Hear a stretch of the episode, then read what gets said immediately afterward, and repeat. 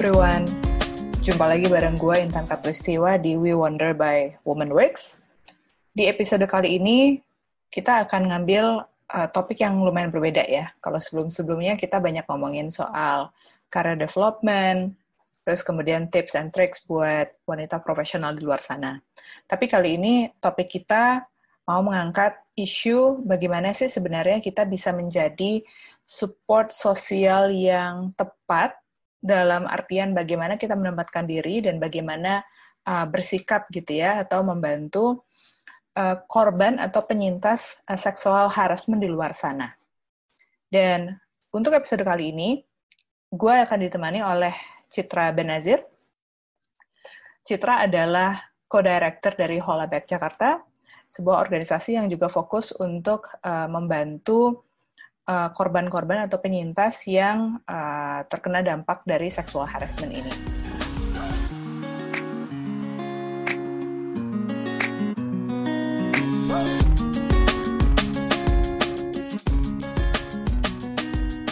Oke, okay, thank you Citra for uh, allocating your time ya untuk kita bisa discuss hari ini. Thank you for having me. Yes, nah uh, mungkin sedikit background ya, Cit ya. Kenapa uh, eh, gue mau ngangkat topik yang biasanya agak berbeda nih dari beberapa pot yang kita kemarin bikin nih sama mentor-mentor di Woman Works. Uh, eh, gue keinget sama salah satu teman gue yang waktu itu kemarin cerita soal uh, gimana pengalaman dia yang di harass gitu ya secara verbally sama temennya dan dia waktu itu cerita ke gue tuh benar-benar kayak panik dan gue di satu sisi sebagai temannya dia gue bingung sebenarnya kayak gue tuh harus ngapain gitu ya. Apakah uh, gue calming her down gitu ya itu udah cukup atau gimana gitu. Gue benar-benar kayak dihadapkan pada situasi yang seperti itu gue jadi bingung gitu kan. Nah ini mungkin uh, something yang mungkin gue kepikiran juga perlu kayaknya di educate untuk orang-orang seperti gue gitu ya atau uh, teman-teman di luar sana yang juga mengalami problem yang sama gitu ya. Jadi di sini makanya gue mau mengangkat bagaimana sih sebenarnya kita bisa jadi social support yang tepat gitu ya dan approachment seperti apa yang perlu kita lakukan. Jadi kurang lebih gitu ya Cit ya untuk topik hari ini. Mm-hmm. Nah, karena Citra ini kan um, ini ya untuk co-director di Holaback Jakarta nih. Mungkin boleh di introduce dulu kali ya, Cit, gitu ya. Apa sih fokus utamanya Holaback Jakarta at the moment? Terus bagaimana uh, correlationsnya dengan topik yang mungkin kita bahas uh, saat ini? Oke, okay, jadi um, seperti yang tadi sudah disebutkan, aku Citra, salah satu dari co-director um, Holaback Jakarta. Holaback Jakarta sendiri itu adalah sebuah gerakan global yang memiliki tujuan untuk mengakhiri kekerasan di ruang publik dengan cara memberikan ruang aman bagi penyintas atau korban melalui website dan sosial media. Jadi yang harus kita um, paham betul adalah Holoback ini um, dimulai uh, sebagai gerakan global yang sebenarnya khusus uh, fokusnya untuk uh, public street harassment, um, pelecehan seksual di ruang publik seperti catcalling atau pelecehan uh, verbal, pelecehan seksual yang terjadi di transportasi umum dan di jalanan. Tapi um, uh, Global sendiri itu memiliki um, bystander intervention, li, uh, metode 5D ya kalau di Indonesia-nya intervensi saksi. Yang di mana pada akhirnya metode 5D tersebut tidak hanya dipakai di situasi-situasi di jalanan, tapi juga me, mengangkat isu seperti yang tadi uh, tema kita hari ini, apa sih yang kita bisa lakukan sebagai bystander, apa sih yang kita bisa lakukan sebagai uh, saksi atau teman atau rekan gitu terhadap teman-teman apa orang-orang di sekitar kita yang mengalami nih uh, pelecehan seksual, kekerasan seksual um, dan sebagainya. Oke, tadi disebutkan ada 5D-nya itu ya. Mungkin nanti kita bisa lebih detail going through that. Betul. Nah, kalau misalnya uh, dari pengalaman yang tadi gue sempat mention gitu ya, Cid ya, uh, dealing with penyintas atau victim dalam community. Biasanya kan dirimu pasti sering ketemu ya dengan dan berinteraksi juga membantu uh, mereka juga gitu. Sebenarnya how impactful sih uh, supportive uh, circle yang bisa mengencourage untuk teman-teman kita yang selama ini mungkin pernah punya pengalaman atau uh, pengalaman tidak enak terkait dengan seksual harassment ya, uh, untuk bisa speak up gitu. Kan itu kemarin yang pas pengalaman gue sendiri itu setelah gue ngobrol sama temen gue itu juga setelah lumayan panjang gitu ya curhatnya akhirnya baru tuh uh, dia mau open up dengan hal itu. Nah ini hmm. uh, seberapa suportif sih, uh, seberapa impactful gitu yang supportive circle, circle yang dibutuhkan oleh si penyintas tersebut. Uh, mungkin aku juga di sini bisa uh, menjawab ini dari sisi uh, aku sebagai advokat dan aktivis ya yang sering membantu penyintas dan korban, tapi juga akunya sendiri adalah seorang korban gitu kan dan sekarang sudah menjadi penyintas. Mungkin uh, apa bisa di bisa di uh, lebih pahami juga misalnya kalau korban itu baru baru terjadi um, mm -hmm. apa uh, kejadiannya dan ketika ketika penyintas itu dia uh, korban ini sudah me, take take that steps ya towards mm -hmm. healing sudah sudah uh, speak up dan sebagainya. Jadi uh, pada saat ini aku survivor yaitu penyintas tapi um, betul sekali poinnya tadi uh, memang sangat sangat impactful dan sangat dibutuhkannya uh, support supportive circle itu dan safe space ya kalau kita uh, sering sebutnya. Um, karena aku tahu sendiri dari kalau dari pengalaman aku sendiri lensa aku sendiri aku belum waktu itu belum um, apa ya waktu itu belum menemukan adanya safe space yang di mana orang percaya terhadap kejadian aku. Jadi uh, ketika aku menemukan nih uh, tempat atau uh, melihat sendiri keadilan terjadi, orang benar-benar mendengarkan cerita aku, percaya dengan cerita aku, itu seakan-akan memvalidasi bahwa oh all my feelings are, are real loh, trauma gue uh, ini beneran terjadi loh, uh, nyata loh gitu perasaan-perasaan yang gue rasakan. Jadi justru karena ketika kejadian ini terjadi um, dan fresh ya di di di otak dan di uh, mind para korban ini, mereka langsung menutup diri dan langsung um, seakan-akan menyalahkan diri sendiri ya. Jadi victim blaming juga itu uh, budayanya juga ada di dalam uh, diri kita masing-masing gitu. Nah di saat-saat uh, tersebut itu we feel very much alone gitu kan. Jadi benar-benar kalau kita punya nih orang yang misalnya bahkan teman yang melihat uh, perubahan uh, apa tingkah laku kita, attitude kita, terus menanyakan kabar atau apa, itu sudah menjadi uh, seakan-akan kayak uh, rilis ya kalau oh gue bisa nih berarti percaya sama orang ini. Gue bisa nih berarti um, apa menceritakan kejadian gue uh, ke dia gitu. Jadi uh, tentunya we need that strong bonds and uh, strong friendship ya uh, di sekitar kita dan juga um, akses ke layanan-layanan uh, profesional ketika kita nggak punya dan nggak nggak bisa nih lari ke orang-orang di sekitar kita. Dan um, yang mau aku point out juga yang membuat uh, aku sendiri dan yang aku lihat dari eh, korban-korban yang um, selama ini aku dampingi adalah ketika mereka ditemukan dengan korban lain itu juga salah bisa menjadi um, apa uh, motivation ya lebih untuk bergandeng tangan dan untuk uh, saling uh, empower untuk speak out. So uh, tadi aku point out uh, salah satu poin yang menarik yang dirimu mentions bahwa mendorong orang untuk mendapat akses profesional gitu ya itu juga sebagai salah satu cara yang kita bisa lakukan dari sisi uh, outsider gitu untuk membantu mereka. Uh, cuman dari pengalaman gue ini ternyata mungkin lingkungan gue ada yang memang belum familiar gitu ya uh, untuk bisa akses misalnya ke, ke ke psikolog gitu. Which is gue to be honest adalah orang yang lumayan sering mengencourage orang untuk mendapatkan bantuan seperti ini. Tapi kan it happen kadang mereka belum mau terbuka ya untuk ke arah sana gitu. Ada cara mungkin yang bisa gue lakukan nggak Cit ya untuk uh, bisa gitu ya mendorong mereka untuk lebih smooth nih masuknya ke arah sana gitu. Uh, biar fase dari mereka dari seorang korban gitu ya menjadi survivor ini bisa lebih smooth ke depannya. Oke, okay, um, ini juga salah satu pertanyaan yang uh, ba bagus karena uh, yang aku mau um, tekankan adalah kita semua sebagai individu ya, just uh, apa uh, human beings gitu harus nih uh, juga mengedukasi diri tentang isu-isu yang mungkin kita belum pernah uh, alami sendiri gitu. Jadi misalnya sebagai outsider pun atau sebagai teman atau sebagai bystander pun kita juga harus tahu nih gitu kan uh, tentang isu-isu kekerasan seksual, pelecehan seksual.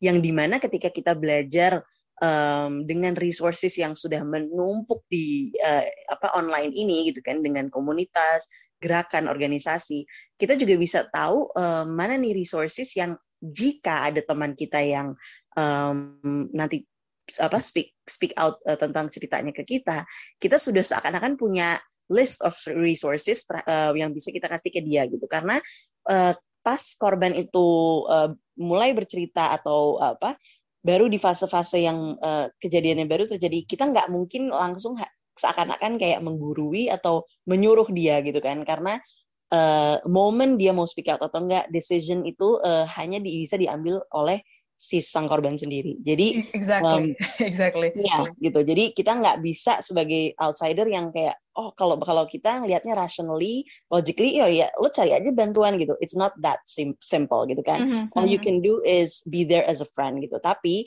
friend ini bisa juga menjadi uh, apa armed with resources and tools yang nanti jika dia udah siap, oh nanti lo gue temenin ya ke sini ke psikolog hmm, ini gue okay. temenin ya ke sini gitu jadi okay. jangan hanya nyuruh apalagi untuk dia ini yang nyari tahu sendiri jadi seakan-akan kayak uh, apa uh, udah udah jadi korban tapi terus dianya juga yang uh, harus ditanggung jawabin untuk uh, untuk mencari resourcesnya sendiri hmm, gitu kan hmm, kan hmm, kita hmm. yang uh, apa namanya um, as a friend yang bisa support system itu kan the support have to come um, dengan beda-beda uh, packaging juga ya gitu. Jadi kenapa nggak kita menjadi teman yang sudah equipped nih dengan all the information that he or she needs gitu. Nah, untuk layanan-layanan profesional yang sering kali kita rujuk uh, rujukan ya kepada korban dan uh, apa penyintas itu adalah layanan-layanan yang juga uh, gender friendly, yang juga okay.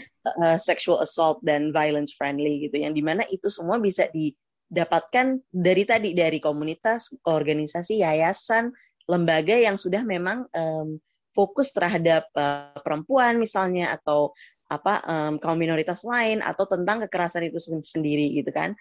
Misalnya di daerah ada lembaga bantuan hukum, kita selalu rujukannya ke, ke apa untuk untuk bercerita ke lembaga bantuan hukum nanti mereka akan kasih resourcesnya. Seperti di Jakarta juga ada beberapa uh, apa terapis dan psikolog mm -hmm. yang juga siap gitu ya dengan dengan kasus-kasus seperti ini.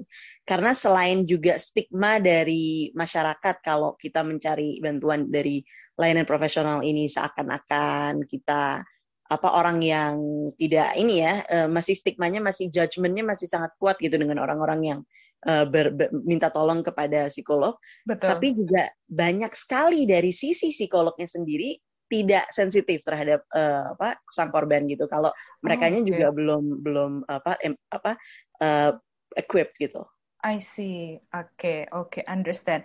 Jadi memang uh, tidak perlu kita force dulu ya uh, since the beginning gitu untuk memang uh, mencari bantuan profesional gitu ya atau next stage of helping gitu. Benar-benar menunggu si uh, korban ini untuk siap terlebih dahulu ya. Berarti itu mungkin sebagai social support yang kita perlu amati juga dari mereka. Betul, karena nggak semua kasus sebenarnya bisa dan sanggup kan di, dimasukin mm -hmm. ke layanan mm -hmm. profesional gitu. Apalagi misalnya kalau anak kecil atau gimana yang korban jadi korbannya. Karena um, kita juga harus lihat uh, apa kondisi mereka juga, situasi mereka juga apa misalnya pelakunya dari keluarganya sendiri lah, nanti ketahuan dia ke psikolog atau gimana itu semua uh, it's it, it could be dangerous gitu kan untuk okay. mereka speak out gitu. Jadi uh, kita sebagai teman should just be there, make sure dia nggak self harm, make sure dia nggak uh, become a danger to herself atau himself gitu. Jadi uh, just be there as a friend. I see. Oke. Okay. Also uh, mungkin kalau itu adalah yang kita memang ketemu langsung ya, uh, Cit. Mm-hmm. Uh, diriku juga melihat beberapa fenomena di sosial media lah, uh, di mana mungkin untuk yang uh, apa ya uh, kejadian-kejadian yang uh, melibatkan untuk sexual harassment atau ada orang yang mau speak up gitu ya dengan pengalaman yang uh, dia alami di sosial media. Sometimes uh, masyarakat kita kan masih belum bisa bereaksi yang masih victim blaming lah intinya ya. yeah. ada masalah pakaiannya atau oh ini dia hanya seeking attention dan lain-lain gitu. Uh, gue personally sebagai orang yang observe dan baca gitu ya kan di satu sisi miris gitu ya melihat bagaimana respon masyarakat tapi at the same time juga tidak berbuat apa-apa gitu ya untuk bisa menguatkan korban bahwa hey uh, thank you for speak up gitu ya dan ini sangat menginspirasi buat orang lain. Jadi jangan sampai ada orang-orang di luar sana yang sebenarnya mau speak up akhirnya nggak jadi gitu ya karena melihat bagaimana respon masyarakat yang justru menyalahkan orang atau menyalahkan korbannya sendiri gitu uh, kalau menurut lo gue bisa doing something better nggak sih in the future gitu ya um, sebagai observer gitu yang melihat bagaimana uh, apa namanya conversation seperti ini going on di sosial media kita. Mm-hmm. Uh, sebagai aku juga sebagai apa salah satu penyintas yang su sudah sangat vokal ya dengan hmm. uh, apa yang terjadi kepada uh, aku sendiri itu um, jadi aku juga melihat up, gimana dengan aku speak up telah membantu nih uh, hmm. apa orang-orang lain gitu ya. Tapi juga di sisi lain karena aku sudah menjadi seorang penyintas, aku sudah uh, take that steps to apa uh, in healing gitu ya. Karena nggak mungkin kita nggak pernah pakai kata heal aja gitu karena nggak mungkin heal.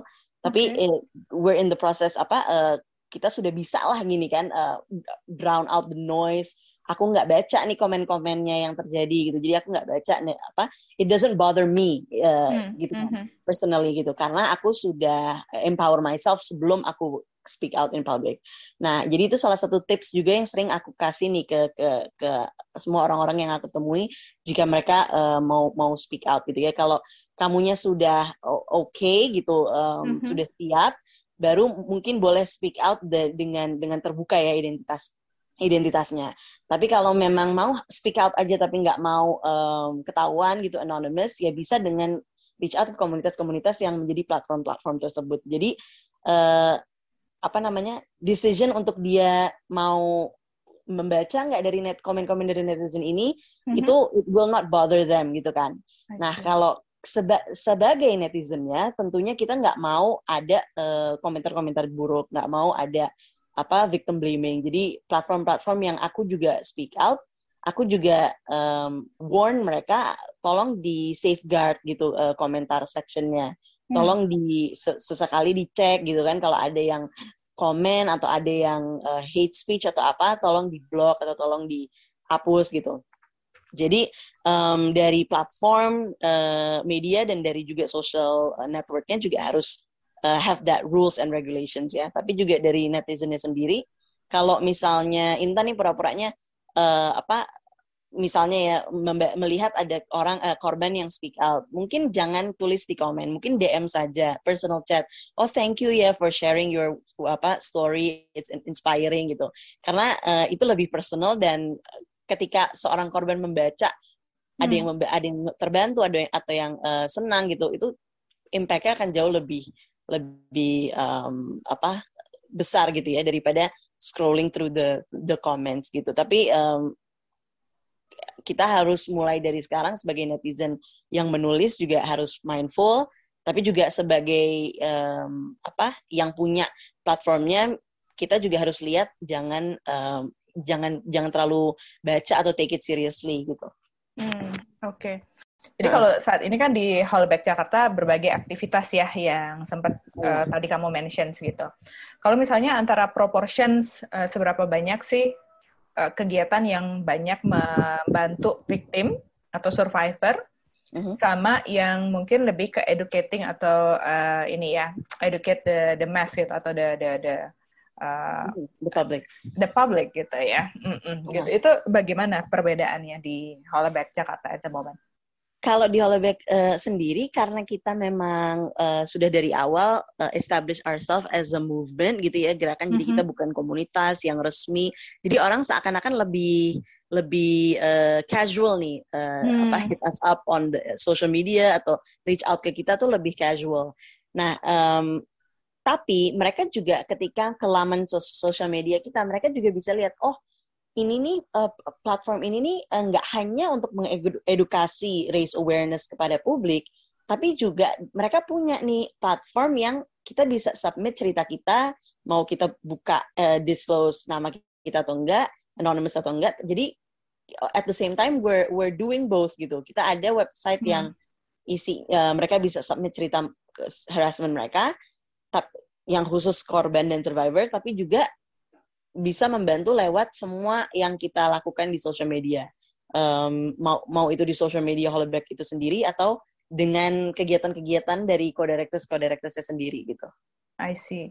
Ini juga berarti salah satu channel yang bisa digunakan gitu ya untuk uh, teman-teman di luar sana mungkin yang mau sharing juga gitu ya, inspire others juga untuk doing the same. Nah ini mungkin uh, sangat bisa digunakan ya platformnya ya Cit ya, berarti betul, sosial betul. medianya juga dan website. Oke, okay, understand. Tadi dirimu kan sempat juga mention yang soal 5D ya. Nah, itu mm -hmm. boleh nggak dieksplor lebih jauh, Cit, gitu? Uh, gimana sih kita bisa uh, understand apa 5D dan bagaimana kita bisa implement juga dalam kehidupan sehari-hari? Oke, okay. jadi um, 5D metode intervensi sak uh, saksi ini, bystander intervention ini, um, awal dibuat oleh Hollaback Global untuk um, gimana sih kita sebagai strangers atau sebagai teman atau orang yang berpapasan saja di di public transportation, transportasi umum atau di jalanan melihat nih ada orang yang sedang diganggu atau sedang dilecehkan gitu ya. Jadi uh, metode uh, yang berbeda yang kita bisa gunakan untuk mendukung nih seseorang yang mengalami pelecehan seksual. Um, D pertama adalah direct ya, um, secara langsung. Jadi menghadapi situasi secara langsung, jelas, bersikap tegas dan ringkas. Itu um, seperti kalau kita sedang melihat itu kita langsung tegur nih pelakunya gitu ya. Oh, uh, Pak, ngapain ngapain Pak gitu. Itu namanya pelecehan seksual gitu. Um, langsung bisa kita tegur. Tapi kita juga terkadang um, ragu untuk melakukan hal tersebut karena kita juga takut atas keselamatan diri kita sendiri kan. Jadi right. mm-hmm. mungkin nggak semua orang nih yang berani untuk melakukan uh, direct. Pendekatan Bisa, direct ya. Mm-mm. Nah, terlalu confrontational kan kalau direct. Mm-hmm. Um, D kedua adalah distract, pendekatan tidak langsung guna meredam dis, uh, situasi. Ini bisa dengan uh, ketika kita melihat korban sedang dilecehkan, kita mm-hmm. samperin aja misalnya nanya, oh, Mbak jam berapa ya ini gitu, atau uh, uh, apa namanya, atau tanya alamat gitu misalnya. Jadi distract the apa korban hmm. untuk kayak oh jadi dia nggak terlalu Eh, ini nih nggak terlalu gubris nih pelakunya gitu. Dan pelakunya juga lama-lama kan akhirnya oh dia nih lagi sibuk sih ini sama orang ini nggak usah gue gangguin lagi gitu. Okay. jadi distract dengan as simple as that. Atau delay. Um, setelah situasi usai ajak bicara dan tenangkan orang yang telah menjadi target. Nah delay ini um, adalah kita melihat dia sedang dilecehkan uh, terus misalnya dia turun di stasiun itu atau halte itu kita juga ikut turun kita datengin kita samperin kita tanya gitu uh, are you okay? gitu. Kamu apa kamu nggak apa-apa mbak? gitu. Atau perlu saya antar ke misalnya mana apa eh, puskesmas atau rumah teman gitu. Pokoknya temani dia ya. Tapi nggak kita nggak langsung intervention pas di kejadian terjadi gitu. Um, yang D keempat adalah dokumen jika situasi aman, maka lakukanlah pendokumentasian kejadian yang berlangsung. Mm-hmm. Nah, dokumentasi ini mungkin sering kita terjadi, eh, sering dilakukan orang, tapi terus salah gitu ya, di, di misuse. Dalam okay. arti ketika kita uh, menyaksikan ada pelecehan itu terlang, berlangsung, kita rekam nih dengan dengan HP kita sendiri. Kita rekam, kita foto, video gitu. Tapi orang biasanya kan langsung dipost ke sosial media gitu ya. Jangan gitu, itu bukan buat sosial media, tapi buat kita datengin lagi ke korbannya, mm-hmm. terus kita bilang, e, Mbak, uh, ini tadi saya rekam nih kejadiannya Mbak bisa buat bukti kalau mau mau saya kirimin gitu. I Jadi see. it's not yours mm-hmm. to publish, it's mm-hmm. theirs. It's their decision what they do with it. Jadi um, kamu hanya di situ sebagai pendokumentasi aja gitu. Jadi kalau dia misalnya mau melaporkan ke tindak yang lebih tinggi, yang lebih berwenang, itu uh, dia punya nih bukti-buktinya. Oke. Okay. Nah, yang terakhir adalah delegate, minta bantuan dari pihak ketiga ya. Dan ini juga bisa didukung oleh uh, bukti-bukti do dari dokumen tadi. Jadi kalau misalnya di apa uh, kereta atau di busway bisa kita lapornya ke ininya ke apa petugas stasiunnya, petugas uh, MRT-nya misalnya atau petugas busway-nya minta tolong ke orang lain gitu uh, bahwa hmm. oh uh, di situ tadi saya lihat uh, orang itu sedang diganggu gitu misalnya. Jadi uh, orang lain ya yang yang uh, intervensi. Oke, okay. understand. Ini berguna banget ya, Cit ya. I mean like gue juga baru tahu teknik-teknik yang bisa diimplementasi gitu. Jadi gue sebagai bystander nanti gitu ya someday uh, menghadapi situasi seperti ini, gue juga nggak yang ngeblank gitu apa yang harus gue lakukan dan juga menenangkan si korbannya juga seperti apa gitu. Which is ini gue yakin bagi kebanyakan audiens di luar sana yang baru mendengarkan soal ini juga sebuah knowledge baru gitu ya untuk bisa di apa namanya bisa diterapkan lebih lebih jauh lagi. Thank you banget uh, Chit for this tips ya. Nah, mm-hmm. kalau um, itu kan kejadian yang baru terjadi ya jadi tips-tipsnya sudah kita ketahui. Dan hmm. gue percaya bahwa kan proses dia uh, seorang korban bisa recover itu pasti panjang banget ya. Uh, hmm. Dan belum tentu juga seumur hidup juga lepas dari trauma ini, uh, pengalaman trauma yang dia rasakan gitu. Dan misalnya gue sebagai seorang teman yang yang membantu atau menemani gitu ya sepanjang perjalanan mereka untuk bisa uh, healing gitu. Uh, what will be the the the most uh, ini ya qualities yang gue mesti harus lakukan buat circle gue nih di ke depannya dalam jangka waktu panjang ya. Um, kalau da kalau uh, dari dari pihak um, outsider ya pihak temannya mm -hmm. untuk dalam jangka panjangnya adalah ya sebenarnya just treat them as as as your friend gitu karena uh, sering kali ini juga terjadi terhadap aku aku juga yang di mana ketika aku uh, speak out teman-teman mm-hmm. aku yang tadi karena mereka nggak equip mereka nggak uh, apa uh, educate themselves juga tentang on the issue mm-hmm. uh, mereka jadi satu persatu uh, keluar ya dari hidup aku apa ah, karena mereka yeah. belum siap gitu ya jadi mm-hmm. uh, again the korban is left alone gitu ya jadi uh, sebagai teman uh, ka- kamu juga harus tahu boundaries kamu sendiri. Misalnya kamu memang overwhelmed, uh, hmm. bilang saja ke ke teman kamu yang korban itu, gue mau membantu lo gitu, tapi uh, karena gue belum gue belum terlalu paham dengan isunya, uh, let me take my time too ya gitu. Jadi kita sama-sama comfortable nih, oh for the hmm. for a long for the long run gitu ya. Jadi seperti teman-teman aku ini yang akhirnya mereka sudah men-educate themselves, mereka bisa balik ke hidup aku dan kita uh, nurture this friendship as a as a safe space gitu. Dan um, juga seperti tadi, aku selalu bilang uh, tagline aku sendiri sih sebenarnya healing is not a destination ya, it's a journey. Mm-hmm. Jadi kita nggak mungkin bisa pernah heal. Uh, dan ini salah satu realization yang aku udah uh, apa ya harus semua korban harus accept ya bahwa mm-hmm. traumanya akan kita bawa terus, sudah akan masuk ke identitas kita gitu. Jadi sebagai teman juga jangan selalu uh, treat uh, teman kamu ini uh, as a victim terus, jangan uh, terus di apa diungkit-ungkit terus gitu kan. Um, treat treat them as as you were gitu. Jadi jangan jangan treat them differently gitu. Tapi uh, tahu bahwa um, apa uh, ini ini semua kamu friendship kamu, kamu ini is something worth gitu kan, mm -hmm. worthwhile to mm -hmm. be uh, to be nurtured. Jadi uh, give and take aja lah gitu. Kita juga sebagai teman nggak nggak bisa harus selalu uh, 24 jam standby gitu kan untuk teman kamu curhat. Jadi um, apa establish your boundaries dan establish your your roles lah gitu. Oke. Okay.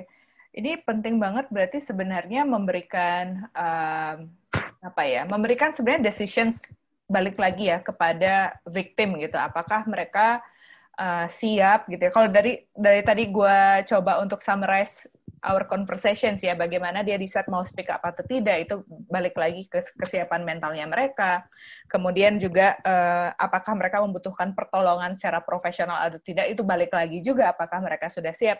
Even do, even juga untuk ketika proses healing sudah mulai berjalan gitu ya. Um, apakah memang kita bisa set boundaries gitu ya untuk uh, di waktu-waktu tertentu atau misalnya memang dia membutuhkan support gitu.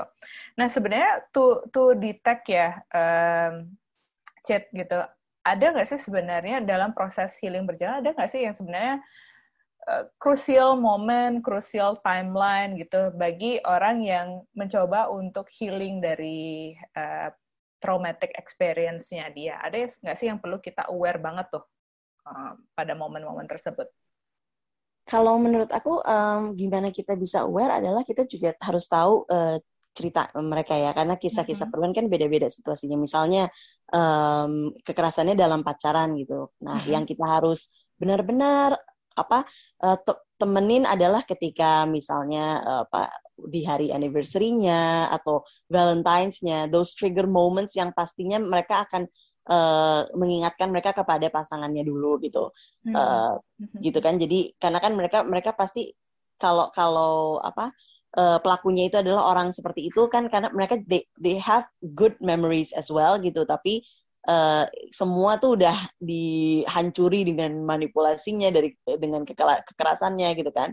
Jadi um, semakin semakin sulit gitu kan buat buat uh, korban ini untuk heal dengan dengan ada trigger-trigger seperti itu gitu. Atau kalau lagi jalan bareng denger denger lagu mereka berdua terus dia langsung down gitu. Jadi atau pergi ke tempat mereka dulu suka ngedate mereka yeah. down. Jadi hmm. jangan jangan hmm. sendirian gitu. Nah, kalau misalnya uh, kejadiannya di public uh, spaces seperti di MRT atau apa atau di transportasi umum dan segala macam ya kalau dia mau ke mana-mana uh, antara kamu temenin atau kamu apa standby chatting sama dia gitu. Kayak mm -hmm. oh kamu nanti misalnya kalau teman kantor gitu ya tapi dia punya punya trauma di transportasi umum lo nanti kalau udah di busway chat gue ya gitu. Kalau udah nyampe rumah chat gue ya gitu. Jadi uh, apa tahu kalau you're there for them gitu. Jadi kita juga harus pinpoint uh, mana sih triggers-triggersnya nih buat si si teman kita ini gitu si sang korban. Apa sih yang membuat dia down gitu. Kalau aku sendiri um, adalah aku nggak bisa sendiri sebenarnya ya mm-hmm. jadi mm-hmm. waktu awal-awal tuh awal-awal aku baru speak out aku nggak bisa sendiri karena kalau sendiri uh, any victim would go inside their head gitu kan kayak yeah replay lagi kejadiannya, what we what we can do differently gitu, menyalahkan diri sendiri lagi seperti itu. Jadi harus terus di cheer up oleh uh, teman-teman sekitar aku. Sampai harus ada kayak pergantian shift nih misalnya kayak hari hari ini temanku yang ini datang ke oh, kosan, oh, ganti wow. ini gitu. Wow. Jadi um, apa just create that happy environment aja. Oke, okay. understand. Thank you so much Jit for ini ya uh, equip us with a lot of tools lot of knowledge juga ya uh, how to handle and how to support our friends gitu di luar sana. Any uh, maybe closing from you, Chip, uh, key takeaways or important message that we need to know in general. Kalau um, dari aku sendiri sih mungkin buat para para korbannya um, apa just know that everything that happened to you is not your fault. Kamu nggak salah, kamu tentunya tidak sendirian um, banyak di luar sana uh, apa penyintas-penyintas juga korban-korban juga yang apa um, going through what you're going through dan um, juga fight for uh, your rights, fight for your justice. Tapi juga pasti teman-teman di sekitar kamu juga mau mau uh, buat kamu tahu bahwa um, you know this will not uh, change their relationship with you. Jadi jangan jangan um, trauma ini membuat malah um, menjatuhkan kamu tapi tahu this is a a strength that that's been given to you gitu ya jadi um, for you to for you to bloom and grow and and empower others from untuk uh, masyarakat uh, apa luas um, tolong apa ya lebih lebih uh, sensitif terhadap uh, apa yang dialami oleh korban. Jangan quick to judge jangan quick to speak gitu. Um, jadi sebelum kalian berkomentar atau sebelum kalian apa uh, membalas uh, percakapan uh, korban itu tahu bahwa um, they're they're not in the same they're not they're not uh, apa ya they're not equipped yet to to handle those uh, comments gitu dan dan you can't say those comments jadi um, semua yang kita omongin itu adalah uh, akan masuk gitu kan ke, ke perasaan orang lain. So think before we we speak or comment. Oke, okay. thank you okay. kalau gitu. Thank you. If you need anything else um, for publications or anything, um, just let me know. Sure. Thank you so much ya.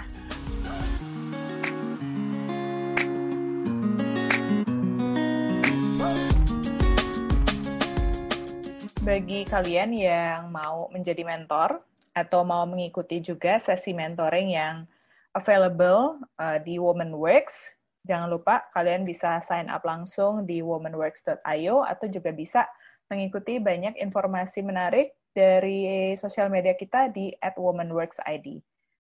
Thank you semuanya yang sudah mau dengerin conversations gue sama Citra tadi. Sampai ketemu lagi di episode berikutnya ya. See you and bye-bye.